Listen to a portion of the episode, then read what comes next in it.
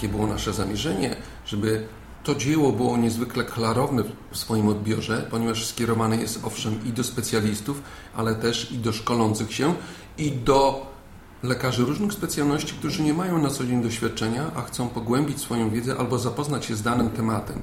Także niewątpliwie wykorzystaliśmy swoje doświadczenie z poprzednich e, podobnych opracowań, ale przede wszystkim e, wspólnie staraliśmy się stworzyć pewne ramy czy przestrzeń, w obrębie której mieli poruszać się potencjalni autorzy.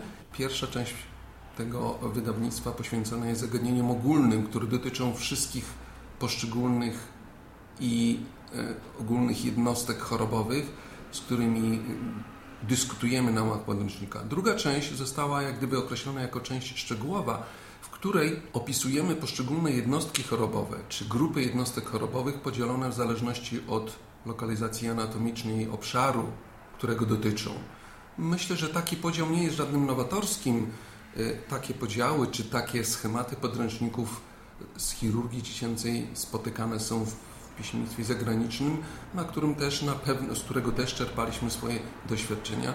No i myślę, że ten podział jest najwłaściwszy, przynajmniej w naszym pojęciu i spełnia swoje zadania. Ten język, który, którym posługiwali się autorzy jest przystępny, dostępny i prosty. Chociaż oczywiście e, adresatami tego podręcznika są przede wszystkim w naszym zamierzeniu lekarze.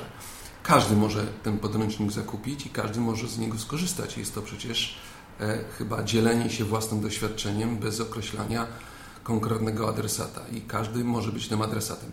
Ale wracając do tego języka, rzeczywiście mieliśmy na początku naszych prac redakcyjnych pewien dylemat. Czy opracować to jako kompendium i posługiwać się bardzo zwięzłym, konkretnym językiem lekarskim, nawet posługując się równoważnikami zdań, żeby tylko zaakcentować to, co najważniejsze, czy posługiwać się językiem, no już można powiedzieć prawie że literackim, używając pełnych zdań, by czytało się to w sposób też również bardzo przejrzysty i klarowny, choć niewątpliwie wydłuża to treść każdego z rozdziałów, może powodować, że ktoś, kto zna dany temat, może nie być już do końca tak zainteresowany, ale wybraliśmy jednak tą drugą opcję, czyta się w sposób y, bardzo przystępny i jest to dla nas ważne, że to udało nam się zrealizować.